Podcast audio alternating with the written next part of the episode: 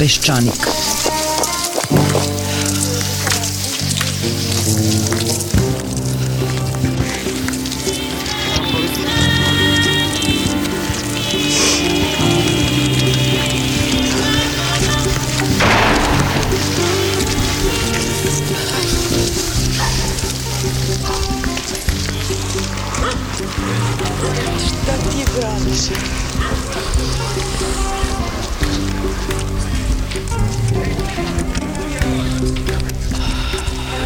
Peščanik.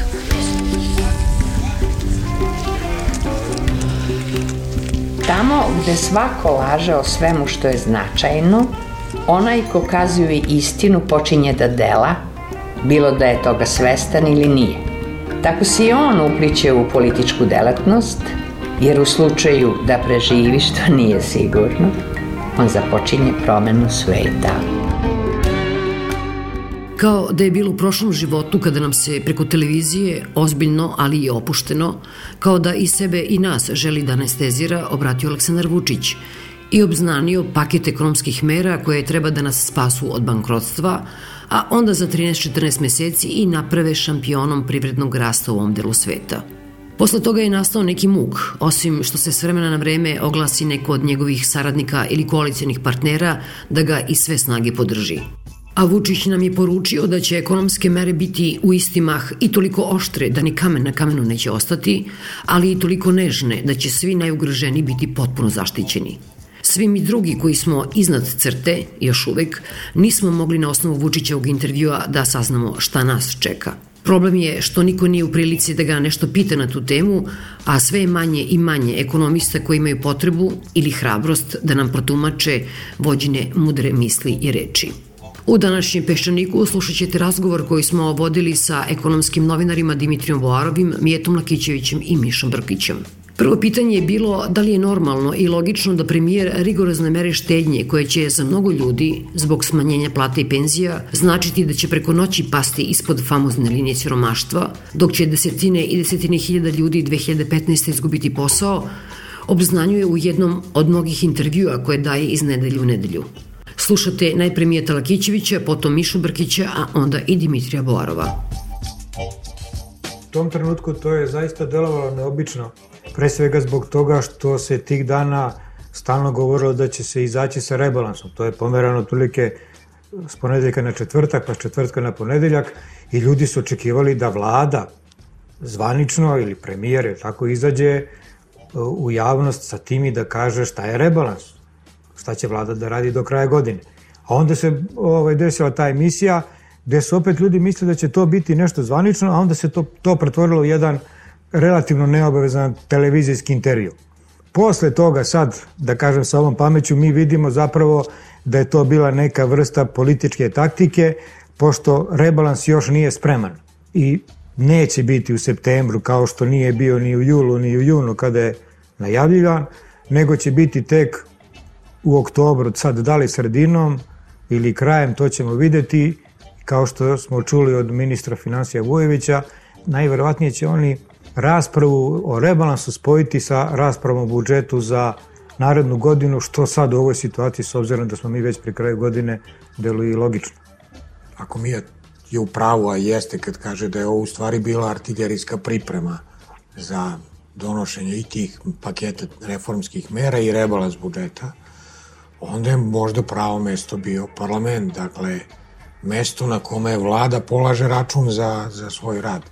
Ovako ispalo da je parlament beskorisna institucija i možda ga sad u, štednji treba ukinuti, brate, tu su ve, stvarno velike uštede. Dakle, premijer može direktno da komunicira sa narodom što je on pokazao i sad i kad je usvajan zakon o radu i on paket ona tri ili četiri reformska zakona o radu, o PIO fondu i o privatizaciji. Ali je zanimljiv detalj da je i tad i sad u Srbiju nenadano stigao naš prijatelj Šejk da podrži reformske napore srpske vlade i da kaže kako je Srbija dobro mesto za investiranje. Zanimljivo je da se to dva puta ponavlja. Ako se dogodi i kad bude rebalans budžeta, možda ga treba pozvati u parlament, ali to već onda postaje Ili makar vlada znakovito. To je model koji Vučić zagovara, direktna komunikacija vođe sa narodom.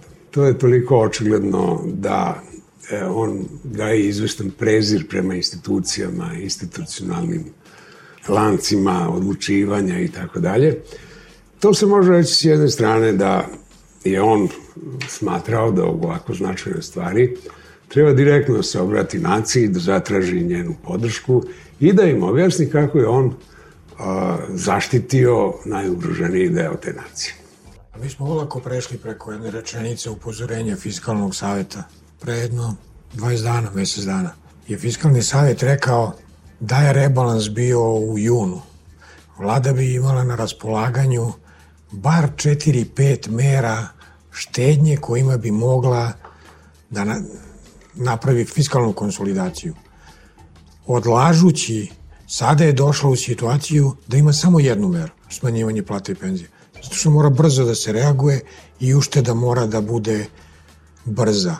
Ono što je premijer rekao na televiziji, to je po mom sudu ponovo pokušaj izvrdavanja koje nas je dovelo do ovde.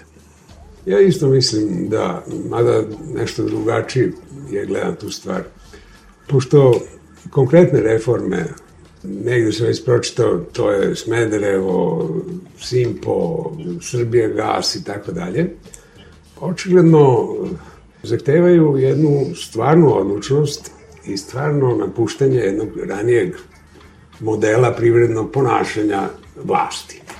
I onda, kad se to stalno odlaže, a to su zapravo reforme, onda se ide na interventne mere. To je komično kada se kaže, mi, e, i ministar financija kaže, pa mi smo, imamo višak likvidnosti, pa da hoćemo na miru da sprovedemo ovu meru. A ispostavlja se da je taj višak likvidnosti ima horizont do aprila a mi smo sada u septembru, da to je samo nekoliko meseci. I tu se ne može govoriti o hiljadama milja do bankrotstva. Tako da to su o, dosta bučne fraze koje verovatno treba prikriju i strah u toj vladi, a i kod samog Vučića, premijera, od, to, od vremena koje dolazi. I sada, pošto se ne ide u prave reforme, i pošto mentalno, to su ljudi starog privrednog sistema, I oni sad ne mogu da shvate da, da država u kojoj je 50% kapitala u državnoj svojini zakonito proizvodi deficit. I da je zapravo prava terapija da se, da se ta država povuče iz značajnog dela tog državnog kapitala, da se proda državna zemlja, da se prodaju čak i ispod cene neke, neke velike infrastrukturne firme. I to bi bilo pametnije nego da država dalje uporno, očajnički zadržava stari model u kome je da ona stranka koja u jednom trenutku ima simpatije naroda može da, da vlada tim resursima, a to zakonito vodi u deficit. Eto, to je moje mišljenje. Pre godinu dana je Dačić kao premijer izjavio kad je MMF tražio smanjivanje plata i penzije. On je rekao, pa to zna i moja baba. Mi smo izgubili godinu dana zato što baba zna, a on neće da sprovede. I sad Vučić sa tim ljudima to treba da sprovede. Ja bih nešto rekao oko ovoga, da li sad mora da se uradi ovo što se radi, odnosno što se smanjuju plati i penzije. Ako bi ukratko morao da kažem da, mora, ali mora zato, ovo čemu, zato što nije urađeno ovo čemu je govorio Mita. Dakle, odavno je poznato da je javni sektor rak rana srpske privrede i srpskog društva i, i države. Ništa na tome nije rađeno. Sad vi možete, setite se kako je bilo pre neku godinu kada je bilo oko, oko Telekoma, privatizacija Telekoma. To uopšte niste mogli ni da pomenete.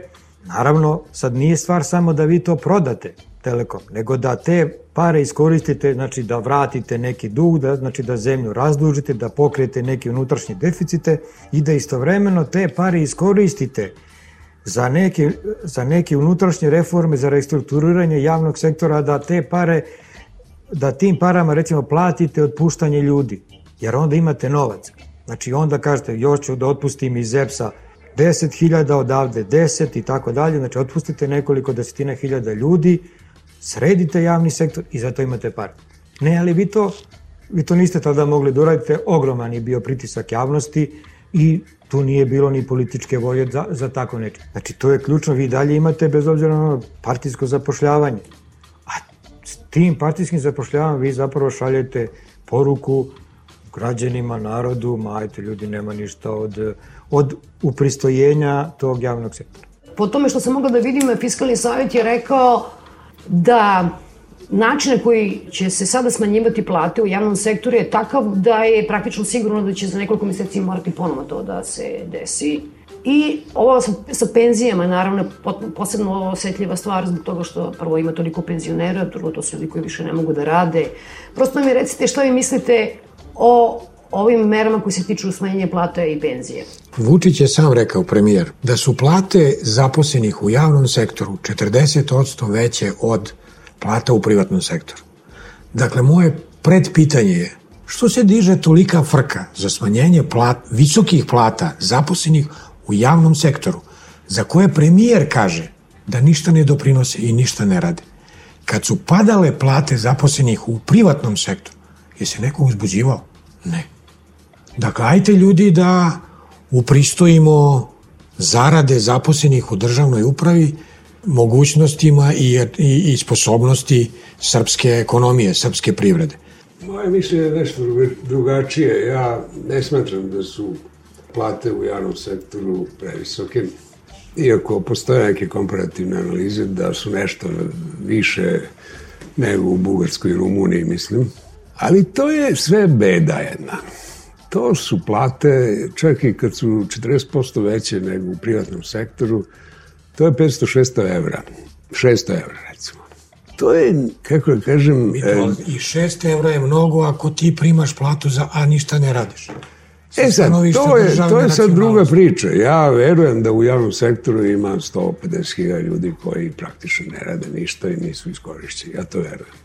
To je to, naguravanje ljudi, zapošljavanje preko partijskih uticaja, pa onda kako se promeni vlast, oni što je ugurala prethodna, ostaju, a dodaju se novi i tako dalje. To se sve ja slažem.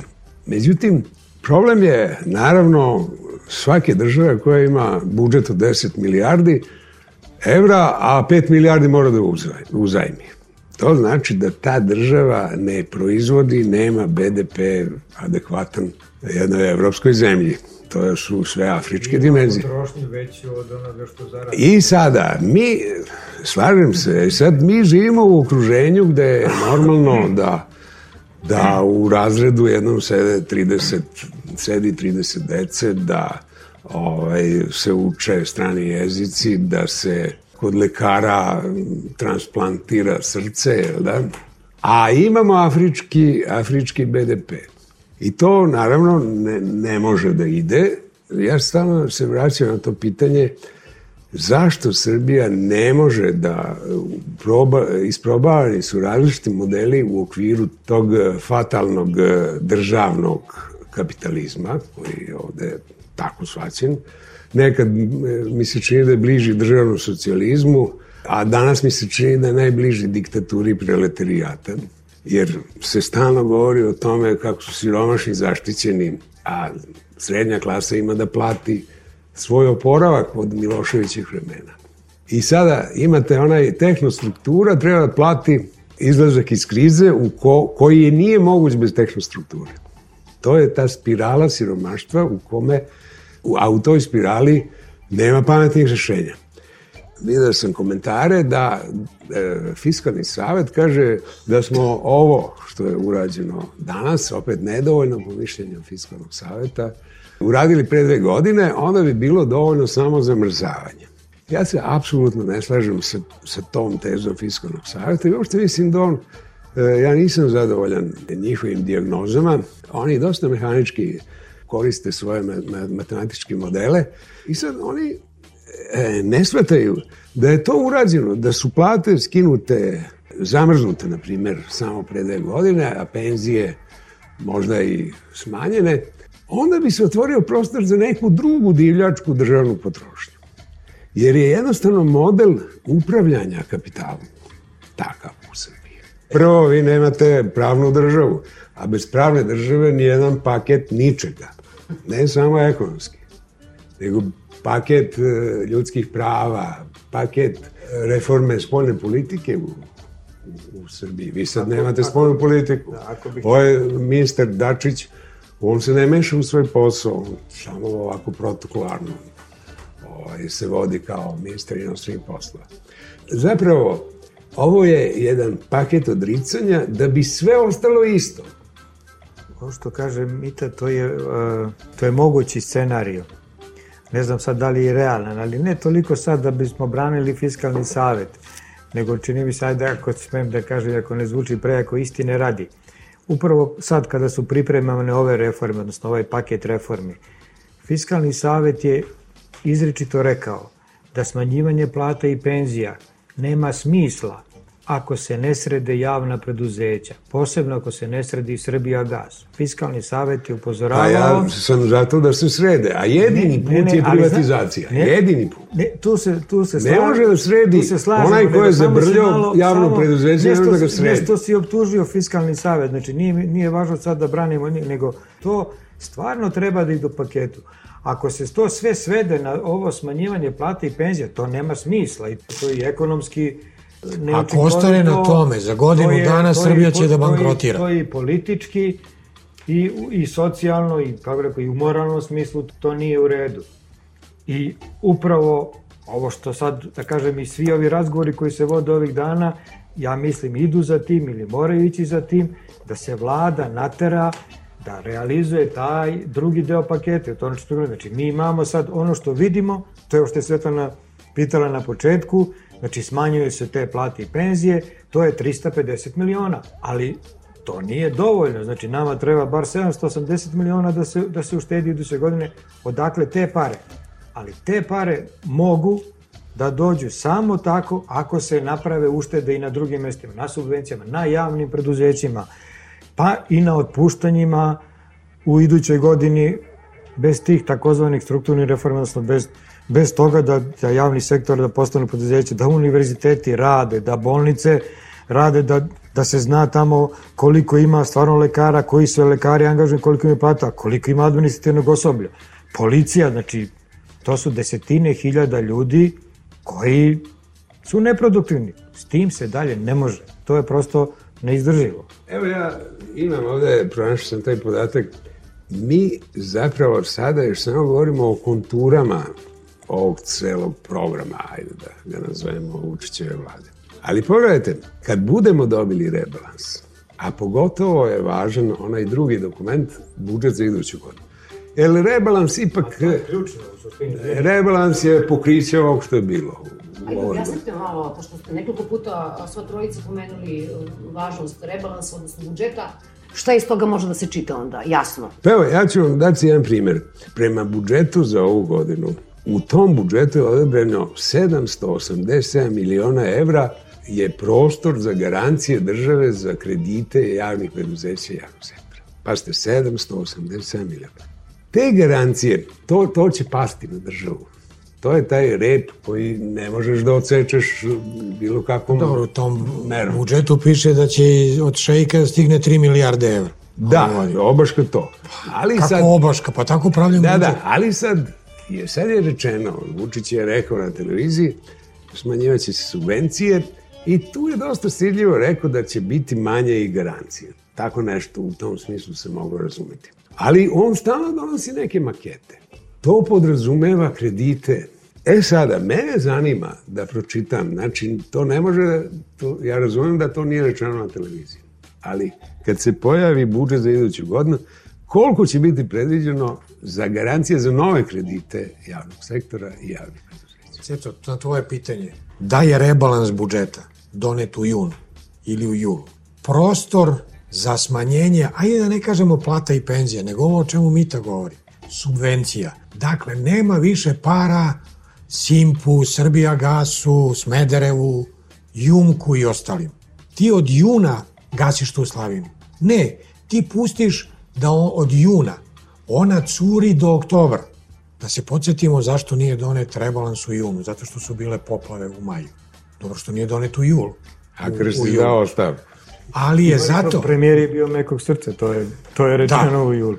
I zato Tako je premijer dao, recimo, Zašto? 5 miliona evra Simpu da počne da radi preko Fonda za razvoj. Koliko je ubacio u železaru svakog meseca? 8,5 miliona 8 miliona evra. dolara. 8,5 miliona dolara da bi počeo da se puši odžak. ta famozna cifra od 700-800 miliona evra koje mora da se uštedi.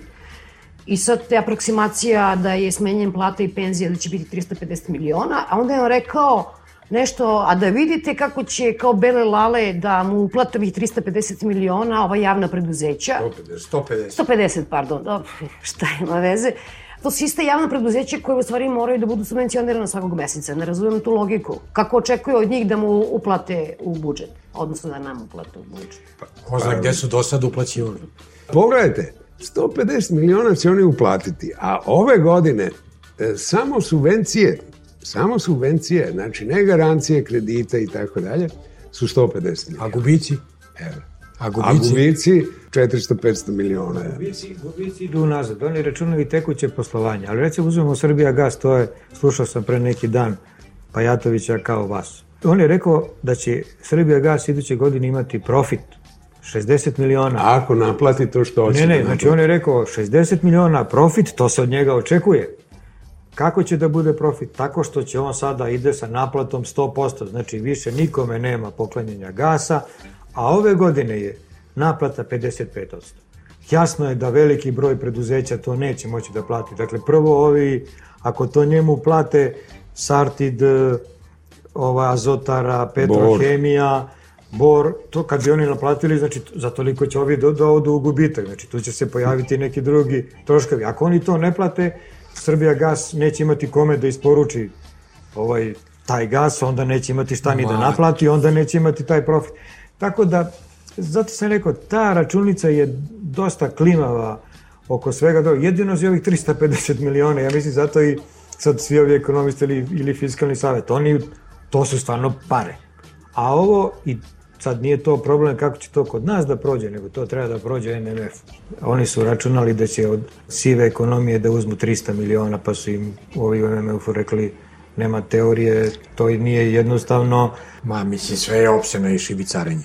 To sad 350 miliona evra od sive ekonomije. Iskustvo država koje su ušle u fiskalne konsolidacije. Zanemarljivi prihodi. Najbolja Letonija je imala 0,5% povećanja u BDP zbog bolje naplate poreza sivoj ekonomiji. Ta priča, sad ćemo mi, pa ad hoc akcije, u ostalom fiskalni savjet i kaže lepo, ovaj što ga mita rezili, nema bolje naplate od ad hoc akcija, a ovo su sve ad hoc akcije. A ovo, Srbija gas, e, EPS će sada ima profit, železnica. Ubedite me da će železnica da ima iduće godine profit, pa će da uplati u, mislim, sve šibicarenje, ko oni na, na zelenom vencu sa kuglicom. Mi, naravno, govorimo malo karikirano, a problemi su stvarno užasni, jer vi sada, kad pogledate, ja sam razgovarao s nekim ljudima, kažu, ne treba nikakve, nikakvi paketi, nego nek svaki poverilac, neka država obezbedi da svaki poverilac naplati svoje potraživanje. I odjedan put će stvari krenuti nabolje. To bi bilo dobro da, ni, da Srbija Kad nije bilo zemlja koja predugo živi na veresijama razno raznim i ne samo Srbija kao jel da, neki entitet, nego i njeni građani isto tako. I sada kad pogledate u ovim merama za rezanje plata i penzija, zaštićeno je, ne znam, milion dvesta hiljada ljudi, e, znači 35% svih koji imaju neke prihode u Srbiji, Ali ja vas pitam, da li mnogi od tih ljudi recimo koriste gas pa ne plaćaju? Pa mnogi od tih ljudi su priključeni na elektrosistem pa ne plaćaju. I kad vi zaoštrite taj sistem plaćanja, onda nisu ti ljudi zaštićeni. Onda i oni zapravo, kad bi, ako u tom paketu bude, pored ovog skidanja plata i penzija, i jedna disciplina naplate, vi onda njima smanjujete prihode za goli život mnogo više od ovih e, tablica koje, koje je premijer iznao preko televizije. Vi imate ljude koji imaju 20.000 prihode, voze neki automobil i čak idu u Tursku ili Grčku na letovanje. na neke načine. E sada, kad vi krenete sa jednom zdravom ekonomskom politikom, onda dolazi taj politički udar suočavanja sa, sa zidom realnosti, sa zidom mogućnosti. I od tog trenutka e, postaju besmislene e, raznorazne investicije u sektoru usluga, ne vredi ništa pokrenuti, nemaš publiku i dolazi opet jedan e, viraž naniže u siromaštvu. Znači, ta spirala siromaštva mora da se leči promenom spoljne politike Srbije, promenom privredne orijentacije Srbije u međunarodnom okruženju, a ne sa pričama o tradicionalnim prijateljima, neprijateljima i tako dalje. I naravno, e, ne možete vi samo ovom merom privući strane investitore, jer strani investitor ne može, mislim, jedan deo stranih investicija je apsolutno za izvoz, je proizvodnja. Ali mnogo širi je krug investitora kad on računa da će bar i deo te nove proizvodnje plasirati na domaćem tržištu. Ako on nema tu nikakvu perspektivu da bilo koji deo te proizvodnje realizuje u samoj Srbiji, onda te investicije naravno zavise, da on uvek kalkuliše da mu je u Tanzaniju e, bolje da investira ili u Srbiju. Ključno je da paralelno sa ovim merama štednje mi moramo da stvaramo preduzeća, moramo da stvaramo privredu iz koje ćemo da nadoknadimo ovo što sada gubimo, znači da, koje će nam dati mogućnost da imamo plate, ali realno, znači da ih stvarno zaradimo i u privredi, a posle i u javnom sektoru. Za to su ključne investicije i domaće i strane. Mi sad ove domaće se ove, toliko one se toliko ne račune, ali mi znamo da smo ove godine recimo imali faktički odliv para. Mi smo 800 miliona evra u minus ove godine, a nemamo, znači, nemamo strane investicije. To zapravo najbolje govori o poslovnom ambijentu koji, koji postoji u Srbiji. To je vrlo širok pojam. To nije samo ono što se tiče lokalnih samuprava, opština i gradova, da oni da se brzo daju građevinske dozvole. To je čitava politika jedne zemlje, to je strategija i ovo što je malo čas Mita govori o spoljnoj politici, pa to je ključna stvar za, i za, za strane investicije. Ako ste vi zemlja koja zna gde ide, koja zna kako je postavljena, kako stoji, to je signal. Mi, za ne sam ne znam da li smo mi prijatelji sa Kinom, sa Rusijom, sa Emiratima, a kao hoćemo u Evropsku uniju. Mi smo stalno tu raspolućeni, ali to je zapravo loša poruka, jer se ne zna da li će ovde sutra doći Putin, da li će ovde biti Rusija. U nekom slučaju, hoće li Srbija da bude neka sledeća Ukrajina, da li će zbog nas da se biju zapad, zapad i istok. U toj situaciji strani investitori oklevaju. Oni neće da ulažu, oni dobro gledaju, a i ako se odluče da uđu, onda oni traže velike, velike beneficije. Zato je ovaj takozvani rizik Srbije kao zemlje veliki i zato su krediti koje mi dobijamo na tržištu skupi, a drugo, zato mi moramo da plaćamo 9000 evra po, po radnom mestu. A evo ti primer, Fiat. Došao je zato što je vlada dala pola para, ili nešto malo manje, ili možda nešto malo više para. Fiat je ušao u globalnu krizu prodaje automobila. Prva reakcija je bila prekidamo proizvodnju automobila u Kragujevcu. I onda je ovde nastala panika, šta ćemo sad? Odavno je prestao u javnosti da se spominje jedan dobar podatak. Koliko je malih i srednjih preduzetnika i preduzetničkih radnji zatvoreno za godinu dana? A koliko otvoreno? Poslednji podaci govore da su otvaranja minimalna, a zatvaranja ekstremno visoka. Dakle, ljudima se više ne isplati da rade u ovakvom ambijentu, ovo o čemu Mijat govori. Preduzetnik se ovde tretira gore nego sponzoruša i Krimos. Radnici ga gledaju kao eksploatatora, komšije ga gledaju kao uvidi ga ovaj se obogatio, a država ga gleda kao lopova. Što, što njemu to treba da on živi na ivici, na ivici zakona, jer tako smatra država. U takvom okruženju, pa ko je luda otvara firme u Srbiji? ja bih bio spreman da mnogo što šta u demagoškoj interpretaciji ovog paketa koju smo videli kod premijera oprostim, ukoliko je to jedna psihološka priprema za taj za budžet za 2015. godinu, ali e, nisam optimista odmah da kažem, jer mi se čini da su interesi da Srbija, e, interesi da Srbija ostane ovakva kakva jeste, znači nikakva, da se tako malo grubo izrazim. Čiji interes? Pa interes je, Mišo, jel ti misliš da ne, ne, niko nema interes da Srbija ostane ovako kako jeste? Ne, ne, čiji? Unutrašnji, spoljni, Pa mešano? i unutrašnji, i spoljni. Spo, radi pojašnjenja samo pitam. Da, da. drugo. Pazite, ja sam vodio sa jednim našim dosta poznatim ekonomistom raspravu kafansku da li je za Srbiju bolje da bude e, gubernija ili banana država. I ja sam bio zagovornik da je bolje banana nego gubernija, a on je bio suprotnog stanovišta. Naravno, nije dobro da Srbija bude ni gubernija ni banana država, ali ona država koja nije u stanju da živi od svoga rada, ajde da se malo marksistički izrezim, naravno ili će biti gubernija ili banana država, trećeg nema. I u tom smislu su desničari u krivu kad misle da je moguća politika neutralnosti jedne neefikasne i nesposobne države. Tako da e, pretpostavljam da e, naši političari osjećaju da je da se mora ići u reforme, jer može da se dogodi i gore, nešto gore od da ne možeš da upravljaš razvojem, nego moraš da upravljaš krizom. Taj bankrot za koji je Vučić rekao da je miljama daleko, baš i nije tako miljama daleko i to jeste, to je mač koji njima stoji nad glavom. Ako, ako se nešto, on jeste možda daleko ako se preduzmu sve te mere, jel? Ali ako se ništa ne uradi, ono dolazi vrlo brzo. A to nije, da kažemo, onda to ni za političara nije, nije dobra pozicija. I to jeste realna opasnost za njih i taj strah, verovatno njih sad i gura u to da, da uđu u ovo. Može da ih gura i na drugu stranu, izvini. Na diktaturu, recimo.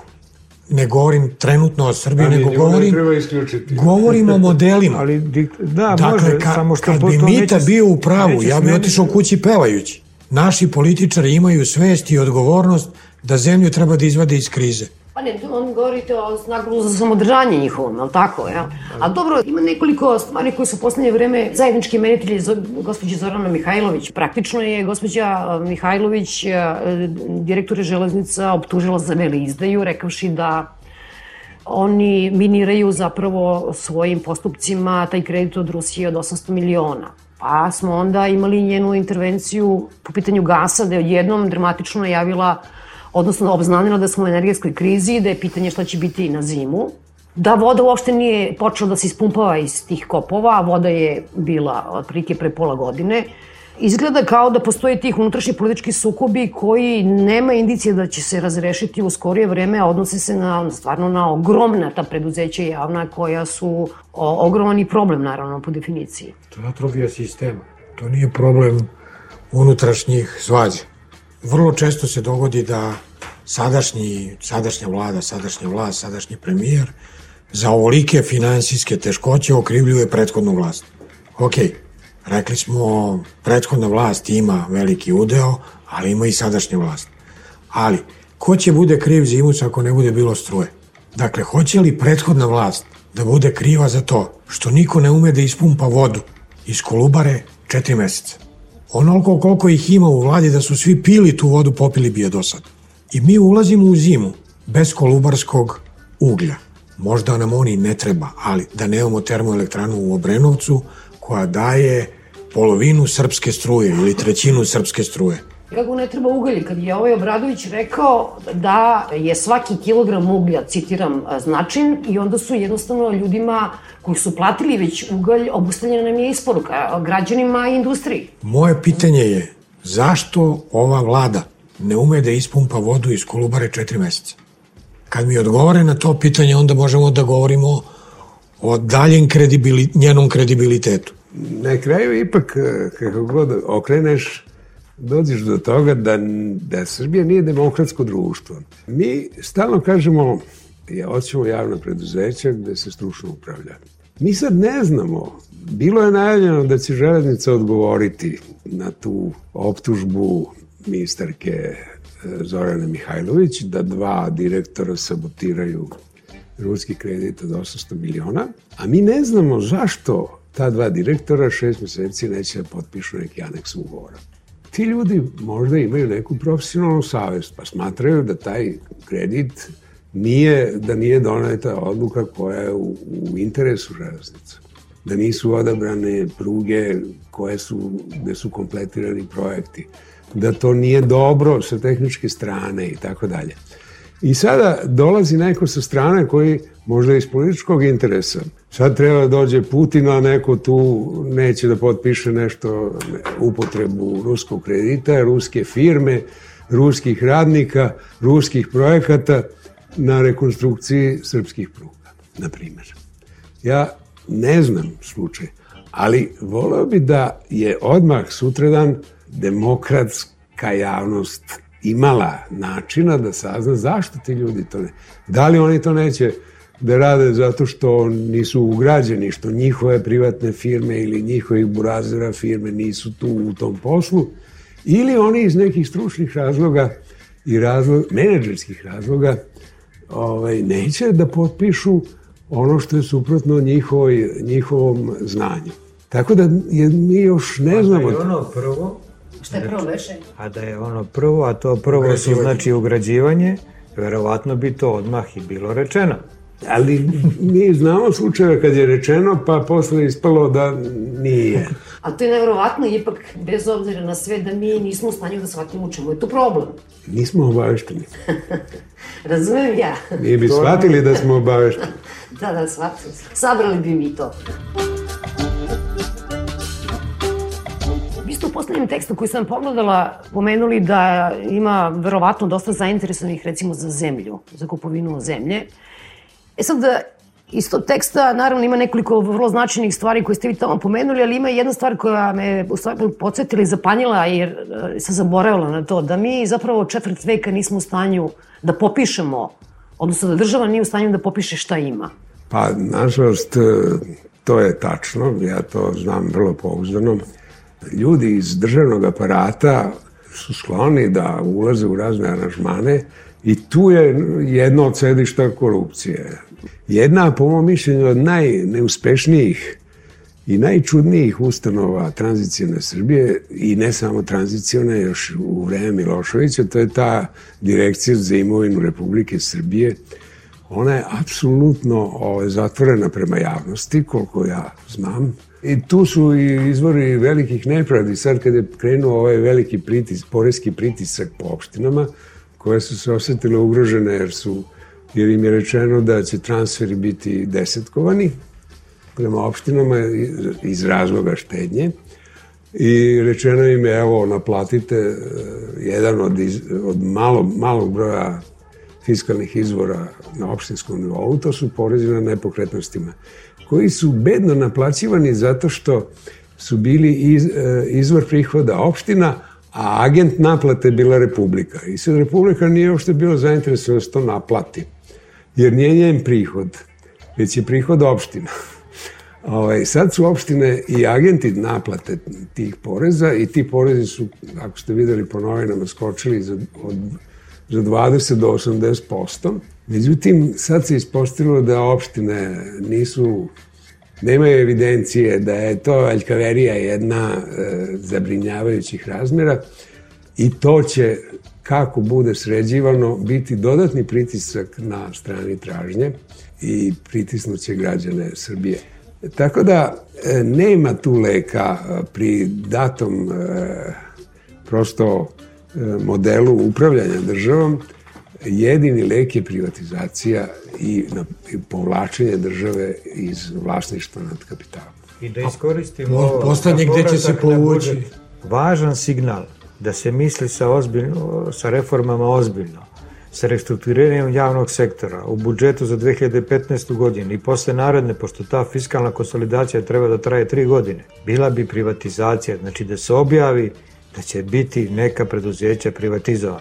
Može da bude Telekom, da uđe neko u EPS, neki strani partner, da uđe u železnicu, to je bio jak i važan signal za svakoga da, kao što je da ova vlast misli ozbiljno da reformiše državu, jer ova država je ne, neefikasna. Mislim, evo, pominjali smo taj kop Tamlu, Pazite, znači, to nema ništa jednostavnije u suštini od toga se radi i to ne može se radi četiri meseca, ogromni gubici u uglju, mislim, gubitak u struji. Znači, država mora iz toga da izađe što pre, to bolje.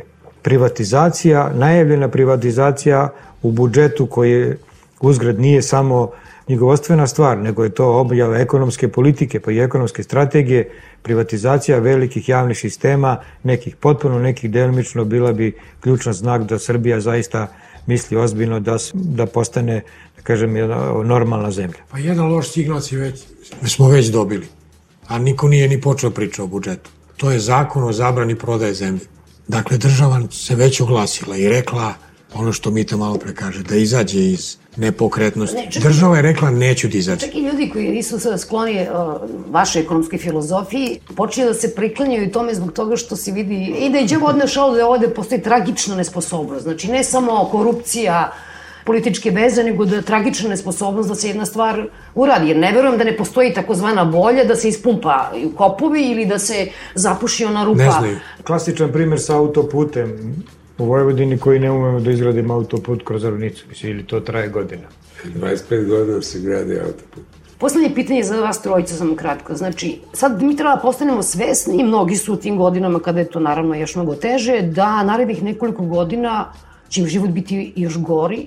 Da vi sada ostatak svog života zapravo treba nekako da preživite da bi se napravila neka zdrava osnova, da bi onda neko ko ostaje posle vas mogao da... Ali ja bih samo malo zarotirao taj tvoj sud. O kome govorimo da će loše da živi? Hajde uzmemo jednu kategoriju. Parazita koji su do sad držali, živeli na državnim jaslama. A dobro, ali ti ljudi su nikad sačekaj, sačekaj, sačekaj, sačekaj. Oni će gore da žive. Tih u Srbiji ima mnogo. Ovi što su primali 40% veće plate u državnom sektoru, može Mita da priča koliko god hoće da je malo 600 evra. Idi u privatnu privredu pa im kaži da neko zarađuje 600 evra kako će da te gleda. Dakle, oni zarađuju 400 evra. A u državnoj administraciji od 600 do 1000 i Dakle, jedan sloj ljudi će da živi lošije nego što je živeo do sada, a do sad je živeo dobro zahvaljujući raznim partijskim konekcijama. Da li će da žive oni koji stvarno žive od svog rada lošije? E, mene to interesuje. Dakle, oni koji rade u privatnoj privredi. Ako će oni da žive lošije, onda to nije dobro. A dobro, i ovi koji rade u bolnicama i na fakultetima i oni žive od svoga rada. Nisu samo ovi koji rade u privatnim firmama žive od svoga rada. Ti koji rade u bolnicama, ja bih voleo da vidim ono o čemu mi odgovori. Kako će izgledati reforma e, zdravstvenog sistema? Da li ti ljudi lo, loše žive? Zato što ih ima mnogo pa se deli na... Malo se deli na mnogo. Onda treba smanjiti broj zaposlenih. Nikome nešto nije bilo naročito dobro. Mislim, Srbija je generalno siromašna zemlja. Ali vi ste ipak imate situaciju da ovi koji su zaposleni u javnom sektoru manje rade, siguran a žive posao. bolje. I siguran posao. To je velika društvena nepravda. To je velika društvena nepravda. To je nemoralno. I zašto bi to i dalje bilo tolerisano? Ja mislim da to ne treba da bude tolerisano. Ne, meni znači, to, mi ne možemo da kažemo da će biti kao sutra će svima biti bolje. Ne, kako prosto neće biti svima bolje. I ne treba svima da bude će, bolje. Pa do, A ne, kako mi upadnemo u zamku kao oni ljudi kad se tuku ispred ne. kontejnera, pa jedan je uzao nešto malo bolje, ne, ne, jedan drugo malo, znači, ne, konstatacija je da se mi ne tučemo oko kontejnera jer jedni i drugi ne. smo pali ispod elementarne granice ljudskog dostojanstva, a da stalno izmiču taj svet koji treba državu firme, javna preduzeća da vodi. Kako dođemo uopšte u tu situaciju da na kraju vodimo rasprave te vrste, a ne ove druge? U tu situaciju dođemo na izborima. Pa dobro, to je tačno, da. Znači, mi treba da gledamo šta biramo. Naravno, ja primećujem sada po novinama da polako i desnica počinje da traga za nekim svojim blokom. I biće, biće teško u Srbiji, A uvek imate dovoljno agilnih ljudi koji to mogu da iskoriste za e, da pronalaze neprijatelje, da okrivljuju svetski liberalizam, da ističu e, da smo izneverili svoje nacionalne ciljeve, iako je dokazano da je nacionalizam najskuplji sport na svetu. I to, između ostalog, niz cehova koje danas plaćamo, to je to eludovanje i traganje za nacionalnim putem u svetskoj istoriji, pa da se drugi prilagode. Hoćemo u Evropsku uniju, ali po našim pravilima, ne možemo mi dozvoliti da se nama diktira. Ali na stranu to, to bi bio naravno, i ja u tom smislu e, razumem i Vučićeve izvesne strahove i pokušaj demagoškog pristupa i jer e, ja mislim da se on sad više plaši desnice nego, nego ove takozvane građanske opozicije. Tako da e, sve zajedno čovjek bi morao biti pesimista. Međutim, e, istorija nas uči da i najgore zemlje mogu da se poprave i da ekonomija nije tako, to je opet, spominjao sam Dedavrama, on je meni govorio da je ekonomija jako jednostavna, da se zasniva na trikovima i da se veoma brzo mogu postići značajna poboljšanja. Ja mu nisam verovao, ali sad možda iz očujanja počinjem da mu verujem. Da ovde završimo, samo da bude bez trikova. Hvala vam sa Ako može. Bio ovo Peščanik, slušali ste razgovor sa ekonomskim novinarima Dimitrijom Boarovim, Mijetom Lakićevićem i Mišom Brkićem. Pozdravljaju vas Svetlana Vuković i Svetlana Lukić. Doviđenja.